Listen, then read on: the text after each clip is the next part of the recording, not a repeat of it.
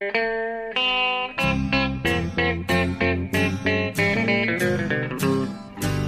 out there, we're on the air. It's hockey night tonight.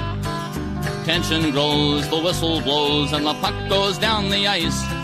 The goalie jumps and the players bump, and the fans all go insane.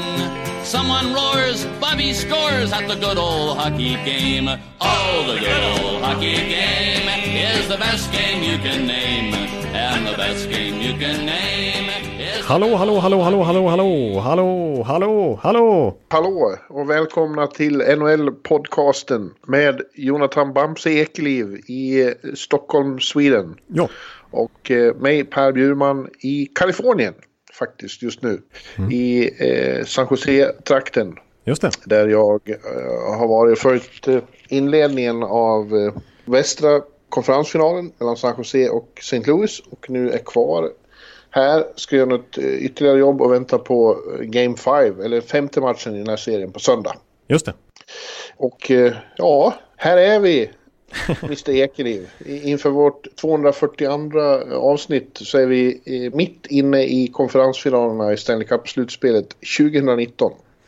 Ja, det, det känns bra. Jag tycker det har varit... Eh, ja, det beror på vilken serie man ser till, men eh, ja, intressanta händelseutvecklingar och kanske ja, inte riktigt som vi tror som vanligt igen. Nej, ja, jag tycker att det är helt okej. Kanske inte riktigt kommer upp i den puls och nerv jag hade hoppats på vid det här laget.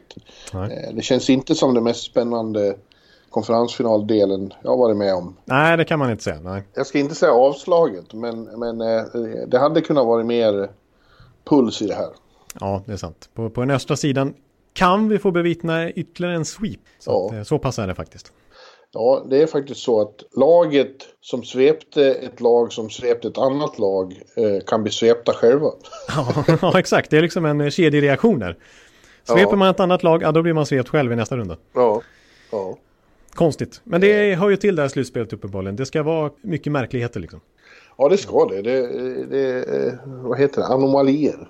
Eller Ja. hur man- hur man uttrycker det. Eh, ja, vi- vi börjar ju där nu i vår lilla titt här på... på vi är mitt i konferensfinalen så vi, så vi kör där. Ja, Och börjar i öst där vi alltså har Boston mot Carolina och eh, efter tredje matchen i PNC Center i Raleigh igår kväll så eh, leder Boston med 3-0 helt enkelt. Och eh, Ja. det känns ju som att den serien är, ga- det är game over där. Ja, det skulle jag nog känna också. Så Det var ju extremt viktigt för Carolina att få en seger när de kommer tillbaks till PNC som du säger. Där det har varit sånt kokande tryck och där de har varit obesegrade hittills i slutspelet och verkligen spelat Keynes hockey fullt ut. Ja, Men inte ens det, och de var ju bra. Jag tycker de var, kom upp i den nivån de har varit på tidigare i slutspelet. Men inte ens det räckte mot det här, skulle jag vilja säga, kompletta Boston-laget som lyser av självförtroende. ja de kom upp i, i, i den standarden i första perioden skulle jag säga. Ja, man kan, vi kan eh, nöja oss med det. Sen kom de av sig för att eh, ja, de, de kom med en våldsam push och skapade oerhört mycket chanser och sköt mycket. Men eh, de kunde ju inte ens under den eh, blitzen överlista Tokarask. Two. Som ju har nu klivit fram till det här slutspelets eh, glänsande obelisk. Det är hans slutspel. Det är han som är den självklara Conn Smythe-kandidaten nu. Ja, ja, hans största utmanare håller till i den ort som du befinner dig i nu skulle jag säga när vi kommer in på den serien. Men absolut, Tukarask har nästan en handen på Conn Smythe Trophy just nu. Alltså. Ja, det har han. Ja, eh, jag satt och tänkte på det igår. Jag, jag vet inte senast vi såg en målvakt dominera eh, så kraftigt i slutspelet. Det har ju varit en trend ett tag, några år där, att målvakten inte var så viktig. Eh, och sen hade vi, ja, vi har haft... Eh, Matt Murray har haft några bra slutspel. Flurry var ju bra i fjol fram till finalerna. Holtby hade Eh. the save. Men ja, Holtby hade, de var ju bra, men inte på, inte på den här nivån. Den, den senaste som var så här bra var nog Toka själv 2013 i konferensfinalen mot Pittsburgh, när de svepte Pittsburgh faktiskt. Ja, exakt. Jo, precis. Nej, då, på, och då var det ju faktiskt eh, ett par riktiga supermålvaktsslutspel skulle jag vilja säga. För dels Tucka som du säger, den nivån han kom upp i då. Året innan var det ju Jonathan Quick som var rena rama gummimannen. Alltså i 2012 i LA Kings första slutspelseger. Och 2011 var ju Tim Thomas Då var det han Ja, som slog på huvudet. komma till han. Mm. Jag tycker nog att han är den som är närmast eh, bästa jämförelsen nu. Tokas föregångare, när, när Tokas satt som backup. Just det. Ja, det är Tommes klass på Rask just nu. Ja, det är det. Den första perioden igår var han ju ruskigt bra. Alltså. Alltså jag... Ja, jag vet inte vad man ska säga, men, men han är så avslappnad alltså. Ja, Han åker runt och ler på isen. Hånflinar lite här och där och han pratar med folk och domare och medspelare och motspelare. Han känns så lugn och han, han är så självsäker just nu så att eh, han är ju rena rama väggen. Han, han vet att han kommer rädda i princip alla skott. Det känns så i alla fall. ja han, han eh, verkar ha kul med sina landsmän i Carolina. Där. Aho Terveinen. Ja, just det. Pratar mycket med dem. Ja, han har mentalt övertag alltså. Ja, ja han är ju eh, hur, men alltså Boston är ju bra även i övrigt. De har, eh, de har så många mästarens signum, signum nu. Ja. Eh, oerhört heta målvakten. De har eh, spets i, i första kedjan när den, när den får, eller när den tvingar till sig eh, svängrum så är ju den, så är de ju helt vansinnigt bra. Då är de ju mördande som vi alltid säger, men det är de verkligen. Ja. Men eh, kanske ännu mer remarkabelt, ut, utmärkande är att de har eh, tredje och fjärde kedja som, som bidrar så oerhört mycket också.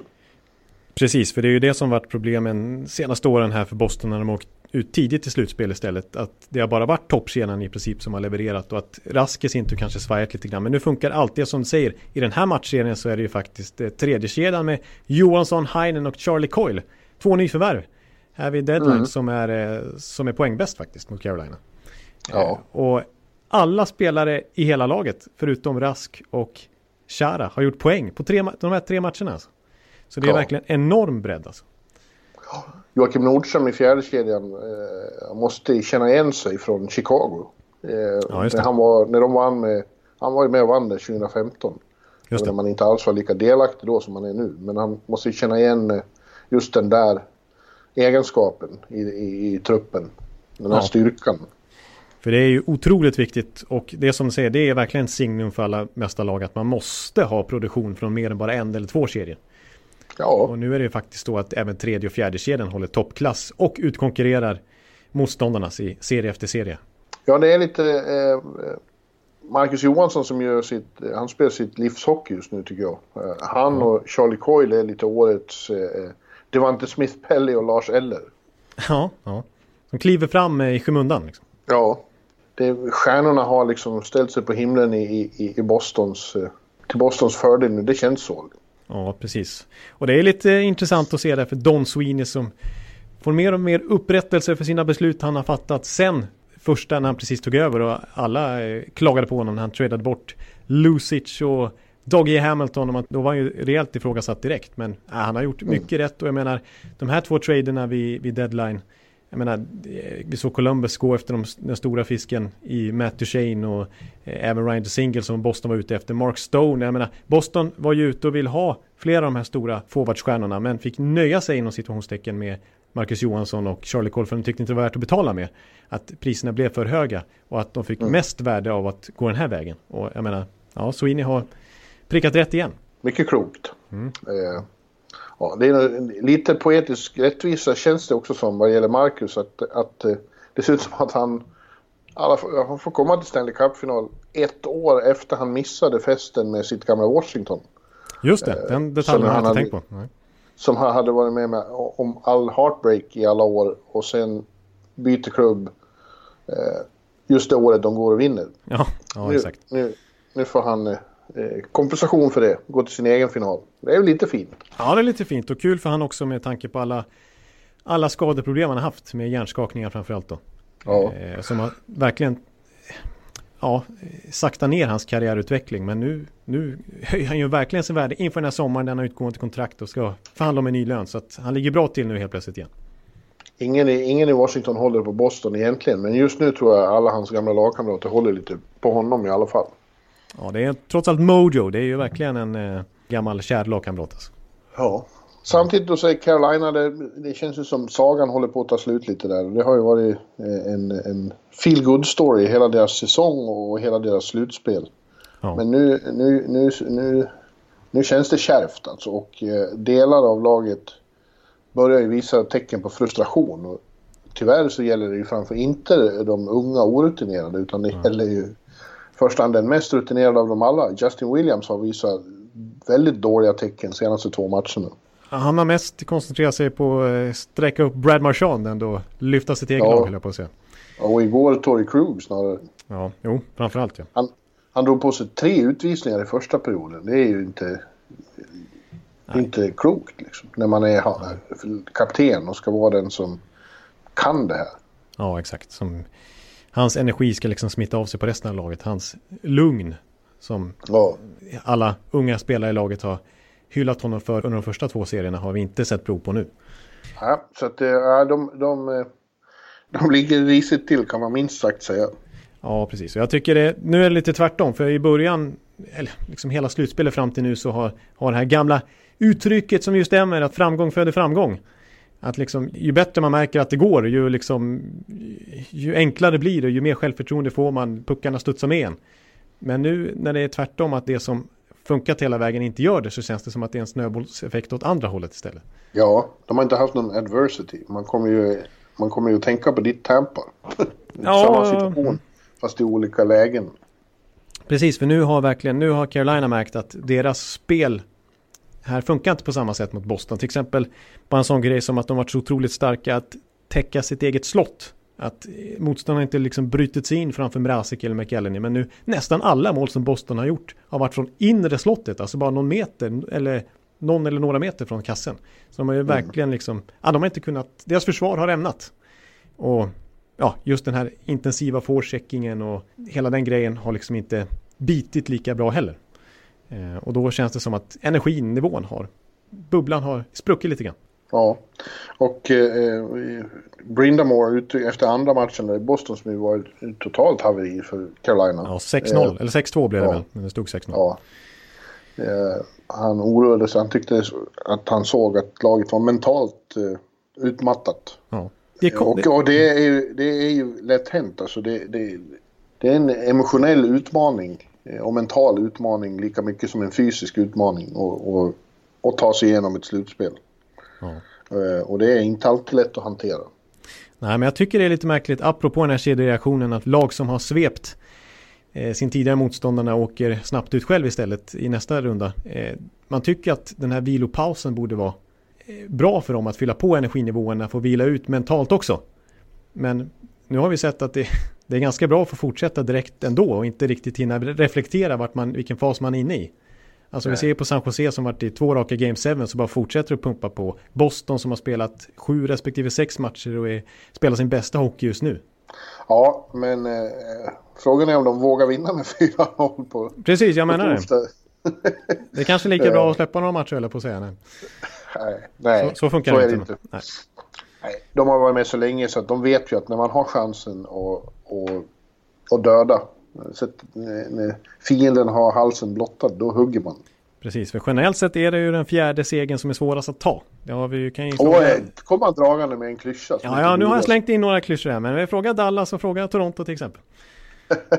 ja, men den, den, brukar ju spelarna ta för att skydda sig. Liksom. Ja, den fjärde matchen är alltid den svåraste. Och får de då stryk i den så kommer de att säga Nej, det var ingen som hade räknat med att vi skulle svepa. Det, vi, det här kommer att bli svårt, det har vi vetat hela tiden. Ja. Vad sa vi? Vi sa väl, ja, Boston sa vi väl båda två? Ja, båda sa Boston. Jag, jag sa 4-3 och jag, jag, undrar om inte du sa 4-2? Ja, jag tror det, jag sa mm. det. Precis. Den som sa sweep var faktiskt Jonathan Lindqvist, min gode vän Lunta. Jaha, ja. Eh, I den konkurrerande, eller vad vi ska säga NHL-timmen. Just det. Sa han, ja, Boston, Boston kommer att svepa det där. Ja, han, har, han har koll på grejerna. Insiktsfullt. Ja, jag kan inte stoltsera med lika bra slutspelsfacit i den här podden. I alla fall inte från min sida. Tappat formen i år. Jag tycker det varit bättre tidigare. Ja, ja jag tror ju Boston avgör det här på. Jag tror inte Carolina orkar. Liksom. Det är lätt, de, de säger nu, det är den andra klyschan från andra hållet. Ja, nu tänker vi bara en match i taget. Ja. Nej, ja, visst Carolina har liksom stått för imponerande upphämtningar i matcher och liksom när de, de åkte på 6-0 torsk mot Washington igen i den första rundan i en match och svara upp ändå liksom. Så att visst, de har, de har mycket, en extremt stark lagmoral, men att de ska vända 3-0 i matcher mot det här Boston-laget där allting funkar just nu, det, det finns inte. Men Boston eh, tappade 3-0 2011. Ja. Nej, 2010. Med Philadelphia. Just det, mot Philadelphia. Ja, okej. Okay. Ja, det finns alltid saker att peka på. Ja. Men de måste, de måste till att börja med McEllin eller Mrazek spela upp Men det är inte så att de är jättedåliga. Det handlar mer om att deras motståndare på andra sidan isen är helt extremt bra. De är inte i närheten av rasknivå just nu. Och det, det sa ju Brindamore själv att det är ju faktiskt den stora skillnaden. Deras målvakt. Mm. Ja, men Asek har väl inte riktigt varit sig själv sen, sen han kom tillbaka från skadan han ådrog sig mot Islanders. Så är det ju Nej. tyvärr. Nej. För deras del. Ja, det är synd. Ja du. Här ute eh, out west så eh, kommer det att bli betydligt längre serie. Ser det minsann ut som. Ja, det, det får vi väl anta. Det, när vi spelar in det här så står det 1-1 i matchen. Mm. San Jose vann första matchen efter en imponerande eh, insats när de verkligen kom upp i hög nivå. Ja. Vilket de har vissa problem med att göra. Eh, och ja. St. Louis kvitterade eh, kvällen på i Shark Tank. Jag var ju på båda de matcherna. Det var fascinerande att vara med om. Ja, det kan jag tänka mig. Shark Tank är... Det tyckte jag mig läsa till i bloggen att du inte eh, ville ge det PNC och NASA beröm stämningsmässigt. Nej. Men att det är, det är ju en high-tank det där med ett ruggigt tryck också. Ja, fast eh, nej, inte så märkvärdigt faktiskt. Okej, okay, det är så pass. Så far. Två plus? Ja, mellan två och tre skulle jag säga. Och jämföra med, med, med de där det har varit riktigt vansinnigt tryck. Ja, det är bra. Det är bra. Du ska ställa i relation nu. Man ska inte ge några, ut några extra plus i onödan. Ja, men eh, och eh, jag tror att det kommer att bli fascinerande att se vilka som får fram sin vilja i den här serien också. Det, som sagt, eh, man såg väldigt tydligt två olika San Jose och två olika St. Louis med för den delen. Ja. Men San Jose till början så återigen fick man det bekräftat vilken underlig samling eh, bohemer det här är. Ja. Första matchen, då gör de allt de ska, gör allt rätt. Eh, alla, nästan alla pjäser kommer upp i hög nivå samtidigt. Ja. Och, och sen matchen därpå så är de det här, jag ska inte säga sl slöa, men, men väl avslappnade och väl lite slarviga och Eh, inte så inspirerade samling artister.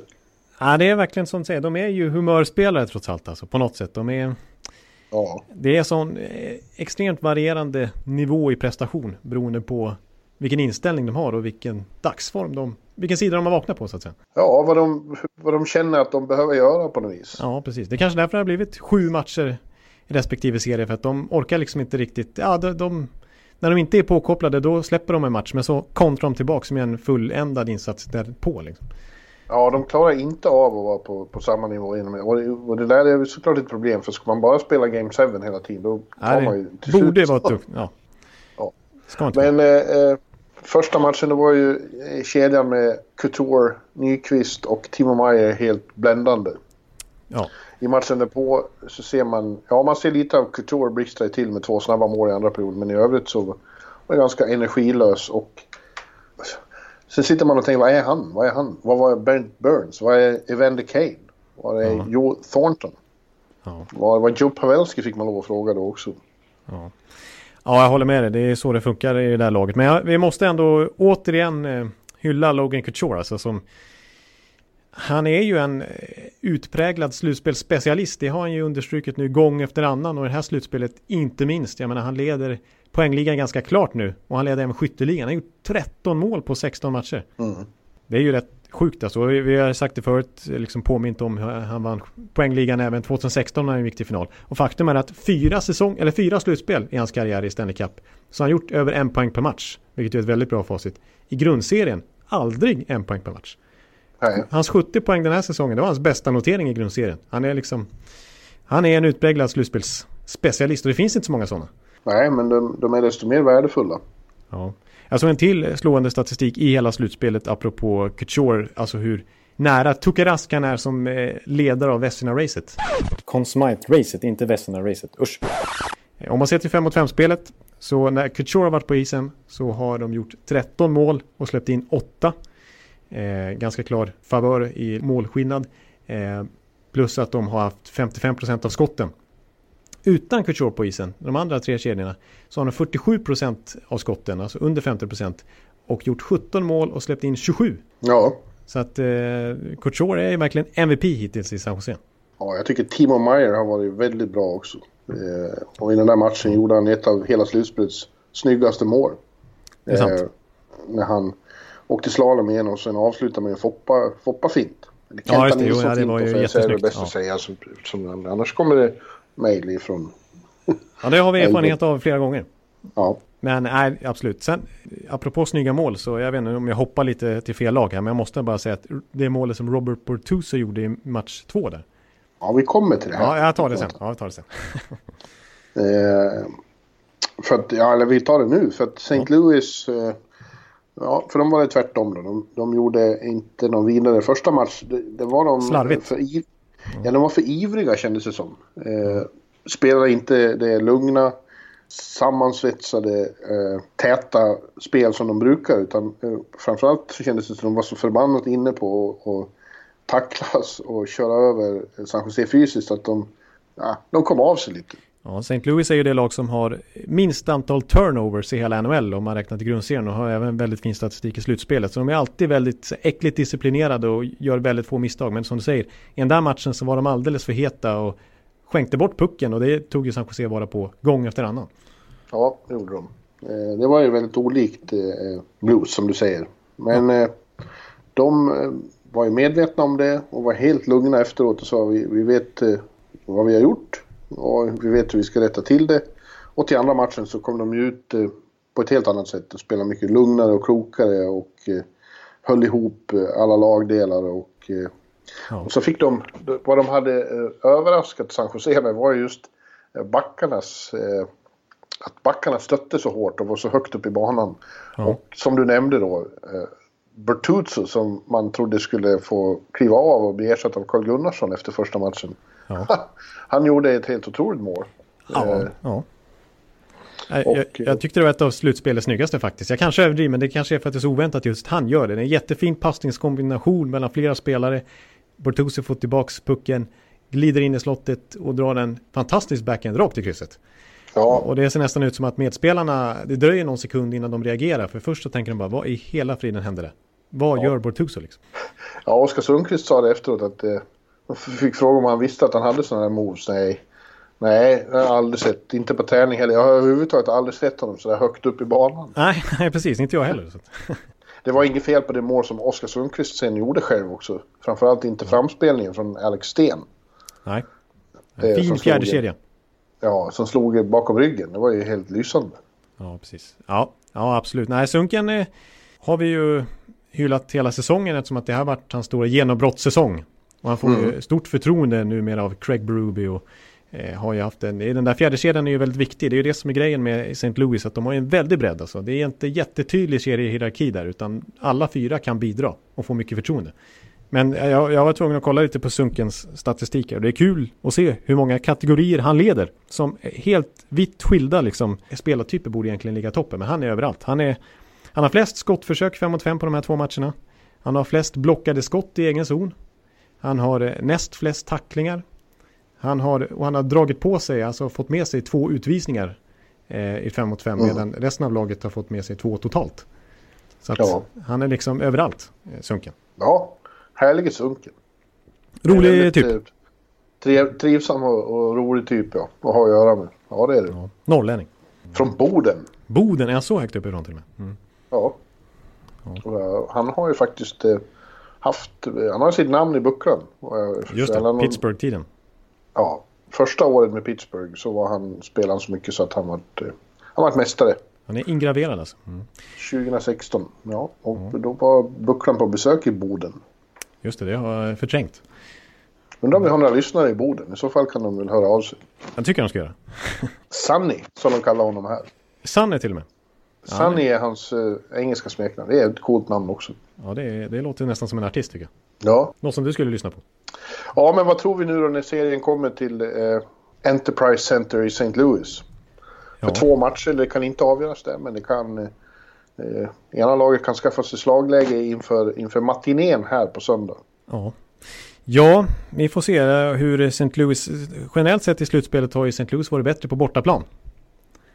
Så ja. jag har svårt att se att de tar två raka segrar här och kommer med slag, matchboll till när de återvänder till ditt, till ditt håll. Ja, eh. men man har svårt att se att de släpper två också. Ja, exakt. Det är det som är grejen med St. Louis. De förlorar ju aldrig två matcher i rad i princip. Så nu ska det bli, ska det bli sex eller sju matcher i en serie? Ja, det är nästan givet. Ja, det har väl både du och jag sagt. Ja.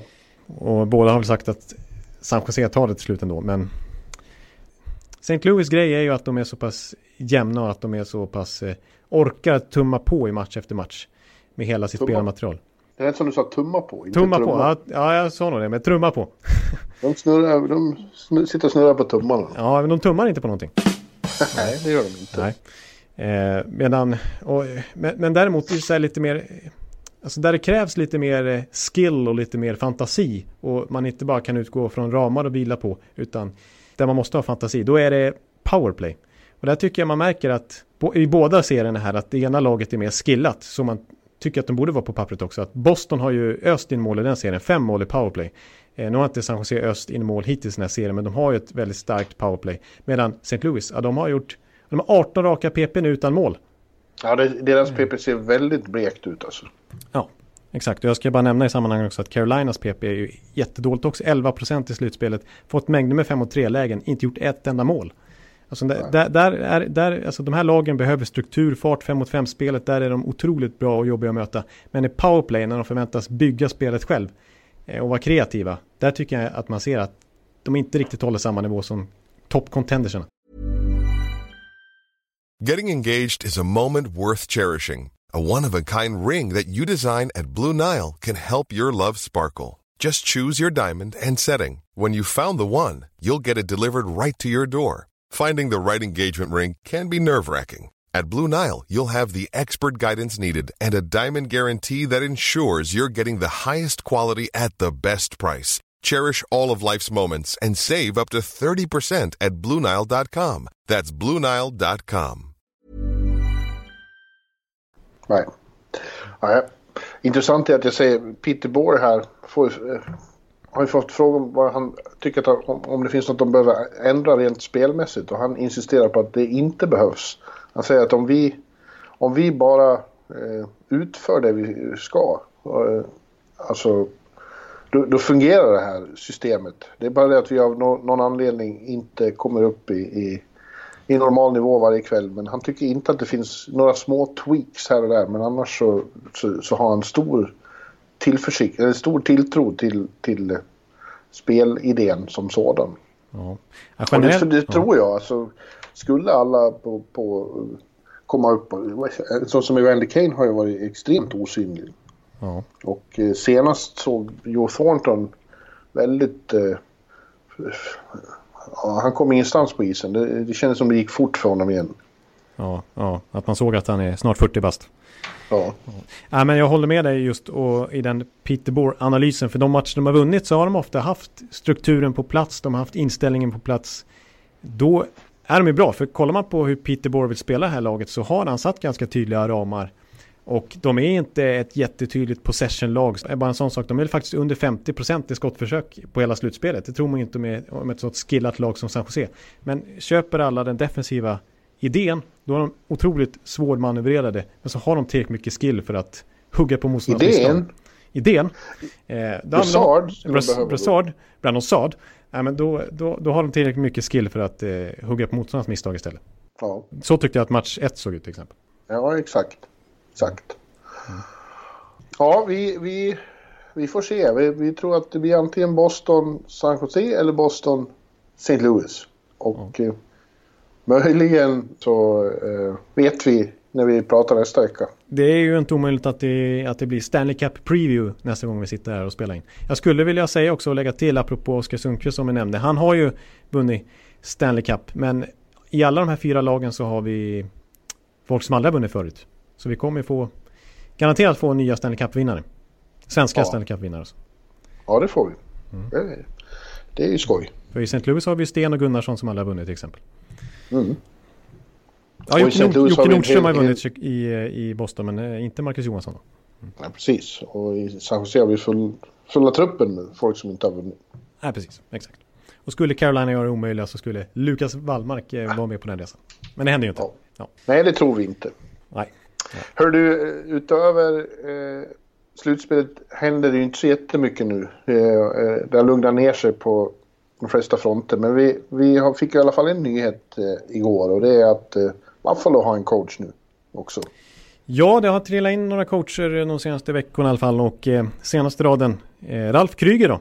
Ja. Eh, Team Europes succéman som ju där de slog ut eh, Sverige i semifinalen och gick högst oväntat till final. Alla trodde de skulle komma sist. Mm. Och, ett, och var ett pajaslag. Men eh, Ralf Kryger lyckades lema ihop den där gruppen och få dem att vilja spela ihop liksom. Spela som ett lag. Eh, och nu får ja. han chansen igen att få en saftig lön. Alltså snacka om att coachmarknaden lönemässigt har förändrats efter Babcocks feta kontrakt för några år sedan. Han får alltså 4 miljoner dollar per säsong. Och han som har coachat ja, 48 matcher i NHL tidigare, nu, nu ska han ha en rejäl lön.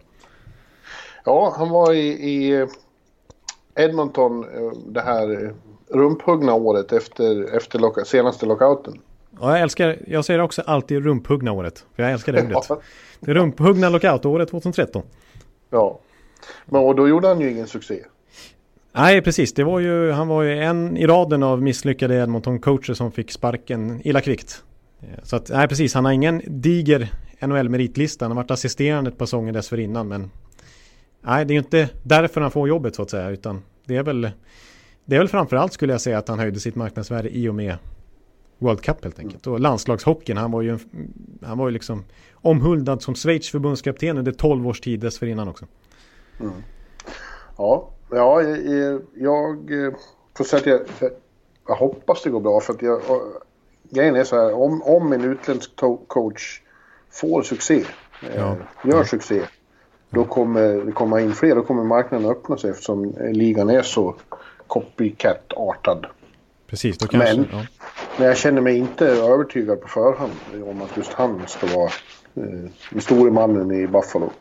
Eh, men det vill ju till för Botterill att det här funkar nu. Annars så eh, hänger han lös också. Ja, det här är nog hans sista coach han anställer om det inte flyger. Eh, det här måste funka. Om inte Kryger flyger. Om inte Kryger flyger, nej. Precis. Jag fick det till det. ja, det var du som fick till det egentligen. Ja, det var det faktiskt.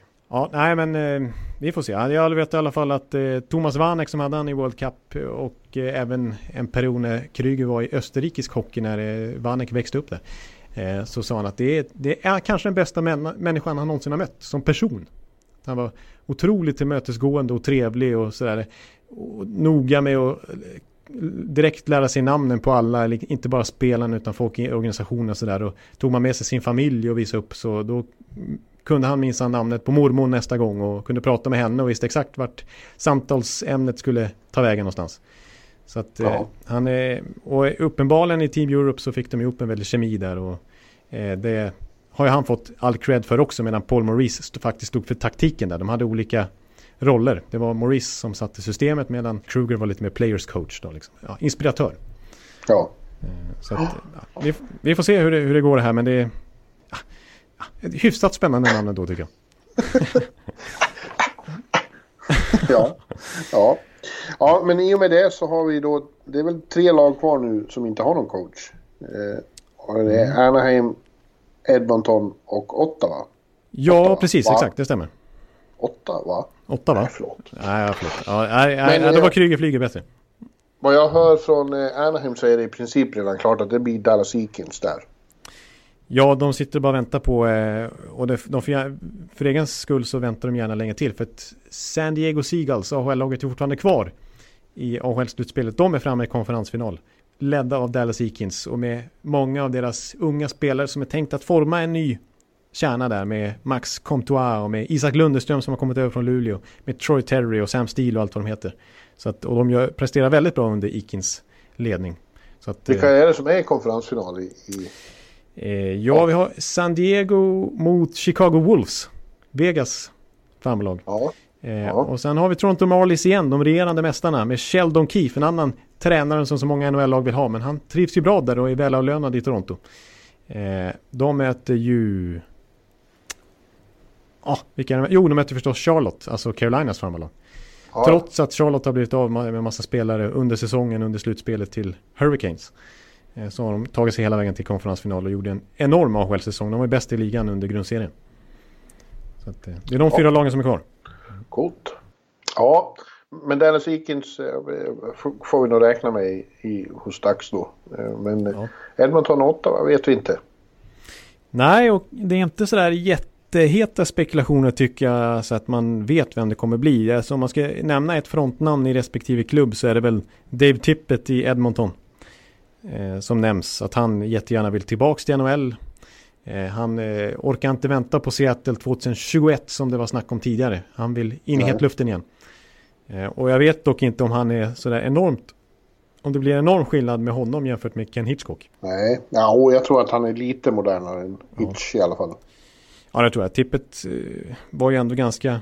Det kändes ändå som att han hade en okej relation med Sheika till exempel. Den unge general managern som kom in för några år sedan där och att de ändå synkade hyfsat och att Tippet var intresserad av hans influenser. Mm. Så att, eh, ja, och han har, jag menar, jag tycker Tippet har lite underskattad, underskattat CV. Jag menar, i Dallas under sina sex år där så gick han till slutspel fem gånger. När han tog över Arizona så gick ju faktiskt de till slutspel tre år i rad direkt. Bara en konferensfinal. Så att, mm. Eh, det var ganska starkt med det spelarmaterialet. Ja. I Edmontons fall så vill jag säga att jag tror att de behöver faktiskt den typen av coachen. För så, trots att de har McDavid och Dreisaitl sådana offensiva superkanoner så är laget för tunt där bakom för att kunna spela en possession-driven hockey. De måste ha tydliga ramar och och en, en defensiv grund att stå på. Tror jag. Ja. Vi får se. Det är Ken Holland som håller i, i, i taktpinnen och, och Tippet känns väl lite som en hans typ av kille ändå. Ja, det känns som att han skulle kunna vända sig åt en, en rutinerad herre som han vet vad han går för. Så att säga. Ja. Det, det lutar åt det måste jag säga. I Ottawa så såg jag att de har inte fått eh, permission, fått tillstånd att intervjua Rick Bonus. Från Dallas. Just det. Eh, Hedmans gamla favorit. Ja, och din gamla favorit. Ja, det kan man säga. Det var ju... Han var ju assisterande. Backtränare i Tampa i många år, men mm. har varit i ligan i hundra år. Precis, han var, det, det är liksom ironiska är ju att han var ju Ottawa Senators första tränare 1992. Så att, det var lite märkligt att, att komma tillbaka dit ja, nästan 30 år senare. Ja. Men så kan det bli. Han, har alltså, han ska intervjua där med Dorian. Ja, ja de, de får väl snabba på för att man vill ju ha en coach installerad till draften åtminstone. Precis, och det ska fattas viktiga managementbeslut och gås. Man ska identifiera vilka free man vill ha och där måste ju tränaren spela in vilken spelartyp han är ute efter. Ja, och när free agency börjar och så. Exakt, ja. det, det, måste vara klart. Så att, ja, det, det får de lösa. Men uppenbarligen, nu, nu har de ju satt fart på det här ordentligt. Bonus ska bli intervjuad och så vidare. De har några andra kandidater också. Sin AHL-tränare, Troy Mann ska jag säga att han heter. Mm. Eh, är ett alternativ. Men ja. Mark Crawford är ju faktiskt inte uträknad heller. Nej, nej, jag såg det på listan över namn. Ja. Mm. Eh, apropå draft och eh, free agency så vill Rangers förmodligen ha sin eh, president installerad då också. Och det ser ut att bli mer och mer tyder på att det blir eh, JD, John Davidson. Ja. Eh, gamla målvakten som sen var expertkommentator åt MSG i många, många år. Just det. Eh, och sen försvann och var eh, team president i St. Louis och nu har varit det i Columbus i flera år. Men nu tyder mer och mer på att han är på väg hem till eh, New York. Ja, jag, jag förmodar att det är en bra värvning för... Ja, jag, jag, har ingen, jag har ingen åsikt. Ja. Han är en trevlig, trevlig människa, det är allt jag vet. Jag tycker det känns som att han har haft bra organisationer i både Columbus och St. Louis. Alltså han har ju haft, eh, synonymt med dem är att han har haft Kekkeläinen med sig båda gångerna. Men mm. eh, jag tycker ändå organisationen... Ja, det, får han ju, det kan han inte göra när han kommer till en ganska satt organisation. Ändå. Ja, precis. Men han verkar förespråka liksom, det passar i det här läget som Rangers är inne i nu, att han, han vill ha bra scouting staff, bra draft, att det ska liksom, hela organisationen ska funka, inte bara vissa delar. Att han, han vill ha en helhet liksom. Mm. Det tror jag är, är, bra för alla organisationer, inte minst för Rangers i det här läget. Nej, och, och, och den, om han då kommer så sitter de ju med en ganska behaglig situation inför draften då. De har andra valet och eh, de, får ju, de kommer ju bara att ta den som New Jersey inte tar. Ja, de behöver och, egentligen inte fatta något beslut. Nej. Eh, Devils har ju, det har ju hetat länge då att det är i princip klart att de vill ha Hughes. Medan eh, då Rangers tar... Capocacco. Vad heter han nu? Ja. Capocacco. Ja. Eh, nu har ju han gjort sån succé i, i VM så det, det, är lite oro i Rangers-leden att The Devils ska ändra sig. Men, ja, de är så eh, inställda på Kakko nu. Mm. Nu säger min gode vän Tobias Pettersson att det finns ingen chans. De har redan... Det, det ändras inte scoutbeslut ändras inte på, på, på grund av några få matcher. Ja, det går inte att liksom, man måste verkligen understryka Kakos fantastiska VM här som 18-åring i ett senior-VM liksom och producera på det här viset mot de motståndarna som de haft i början av turneringen också. USA, Kanada och hemmanationen Slovakien och göra fem mål. Mm. Det är ju fantastiskt bra och att Hughes i sin tur har gjort noll mål. Men då ska man komma ihåg att Hughes har aldrig mött seniorer tidigare. Eh, han, och han har en helt annan roll. USA har ju väldigt stjärntätt lag så att han får ju bara spela typ 6-7 minuter per match. Eh, det är så Blashill prioriterar laget där just nu medan i Finlands fall som var inne på förra veckan, de har ju knappt en enda NHL-spelare så att Kakko är redan från start en av de bärande stjärnorna så att säga. Mm. Eh, så det är en helt annan, helt annan roll de, är, de har i respektive landslag. Så det är svårt för Hughes att glänsa på samma sätt. Men eh, ändå, alltså Kakko, det är klart att även om du säger som du säger att det är redan satt i sten och att det förmodligen blir Hughes som går rätta så har ju han övertygat väldigt många, inte minst i Nordamerika som riktigt, inte riktigt haft ögonen på honom tidigare. Att, att han är en superstjärna. Det är, menar, vi pratar liksom eh, Matthews Line-nivå ungefär nu i den här duellen. Ja, det är, eh, det är ju väldigt kittlande att eh, båda kommer att spela i New York-området med all säkerhet i alla fall. Ja, du, får, du kan åka till The Rock och se, se, ja. se ljus och så kan du sitta på Madison Square och njuta av ja, alltså Peter Forsberg-liknande moves av eh, Capo Caco under många år ja. framöver förmodligen. Jag kommer att ha många sms från Jarko nästa säsong. Ja, du måste skriva mer där om äh, Capo. Ja, alla rekorderna kommer slå hit och dit. Och... Hur låter det när Jarko säger det? Jo, alltså, men nu måste men, vi... Alltså, hörru Bjurman, alltså, han, han, pratar, han, har inte, ingen finsk, han har ingen finsk brytning när han pratar generellt sett. Men när han blir när det handlar om finska spelare, när han blir upphetsad, liksom, då, då kan han inte hålla tillbaka. Alltså, Kakko, du, du kanske kommer göra 30 mål nästa Han kommer göra 40 mål. Alltså, du kommer, I december kommer han kommer göra 70 mål. Han kommer göra 70 mål, Kakko Kakko. Ja. Ja. Ja. ja, ja, jag ser fram emot det. Ja, vi får se. Men eh, ja. fantastiskt bra i alla fall. Mm. Ja, apropå VM då, så igår pratade jag med Gabriel Landeskog som höll på och packade och skulle åka till eh, eh Bratislava. Eh, han är den sista som har tackat ja nu och så har en fullständigt NHL-späckad Tre Kronor-trupp igen. Första ja. gången någonsin så är det inte en enda SHL-spelare. Ja, precis. Det är NHL all the way förutom eh, Dennis Rasmussen då och en kontraktslös Jonas Enroth. Men eh, ja. annars är det bara NHL.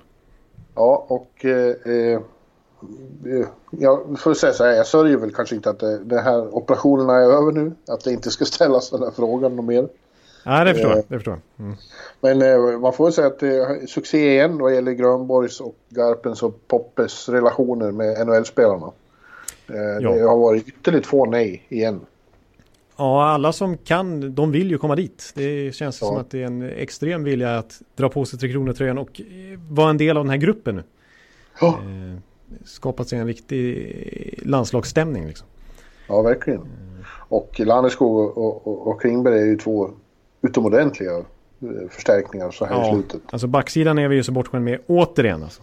De, Sverige ja. har ju alltid en bra backsida nu för tiden men den här är ju trots att inte Erik Karlsson eller Viktor Hedman är med till exempel så är det ju otroliga namn. Det är liksom en sån som vi får se hur mycket Erik Gustafsson får spela nu. Han är trots allt poängbästa svensk bland alla backar i ligan och slutar sexa i den totala backligan i NHL den gångna säsongen. Han skulle vara första back i väldigt många andra landslag. Men nu ska han konkurrera med Ekman Larsson, Adam Larsson, John Klingberg, Mattias Ekholm. Mm. Det är enorm nivå. Klart bästa backsidan i VM så det sjunger om det. Ja. ja, vi önskar dem lycka till här bortifrån. Det gör vi. Ja, det vore skönt med, ett, med en repeat. Ja, vore det. Mm. Ja, men du, Bambi. Vi har inte så mycket mer eh, nu va? Nej, precis. Det är ju den här eh, tiden på, på året när det är lite lugnare på NHL-fronten förutom att det pågår konferensfinaler. Men det är som, som varit inne på, det är inte åtta serier att diskutera längre utan nu är det två. Ja, att, eh, snart är det en. Och snart är det bara en. Så att eh, jag tror faktiskt att vi nöjer oss där för den här veckan. Och så antar jag nästan att nästa avsnitt kanske blir eh, en Stanley Cup-review. Vi får se hur långt de har kommit då. Vi får se hur länge Blues och Sharks tänker stångas. Ja, precis. Så vi tror ju visserligen att det blir sju matcher. Så det, det kanske blir en preview av Game 7 snarare, men vi får se. Vi får se. Det blir spännande att, följa. Ja. Ja, vi, Då säger vi så. vi säger så, vi, vi har inte mer. Nej. Utan eh, önskar en, en fortsatt fin... Eh, du får avsluta. Jag tycker du, det blir liksom mer värdigt när du säger några avslutande ord. Jaha, ja, ja, ja, eh, nu kommer jag av mig bara för det. Ja. Eh, Jag trodde du skulle... Men jag säger bara eh, tack för att ni har lyssnat och eh, på återhörande nästa vecka. Eh, tack och bock och hej! Hej! Hallå, hallå, hallå. Hallå, hallå, hallå. Alex Chiazot, Joe Luis Arena och Esposito. Esposito. Uttalsproblem, men vi tjötar ändå. Och alla kan vara lugna, inspelningsknappen är på. Bjuder Hanna Kohl, han är grym i sin roll. Från Kållesoffan har han fullständig kontroll på det som händer och sker. Det blir ju allt fler som rattar in hans blogg. Och lyssna på hans podd. One, two, three, speed, so Hallå, hallå, hallå. One, two, three, speed, so Hallå, hallå, hallå. Ekeliv, som är ung och har driv. Verkar stor och stark och känns allmänt massiv. Han hejar på Tampa och älskar Hedman. Sjunger som Sinatra. Ja, och där ser man. Nu är det dags för refräng. Dags för magi, Victor Norén. Du är ett geni. Så stand up at home and remove your hats. Höj volym, för nu är det plats. One, two, three, speed, so Hallå, hallå, hallå. One, two, three, speed, so Hallå, hallå, hallå. One, two, three, speed, so Hallå, hallå, hallå. One, two, three, speed, so Hallå, hallå, hallå. Det er utroligt længe siden mor, der samtidig også har råd. Hallå, hallå, hallå. Det er utroligt længe siden mor, der samtidig også har råd.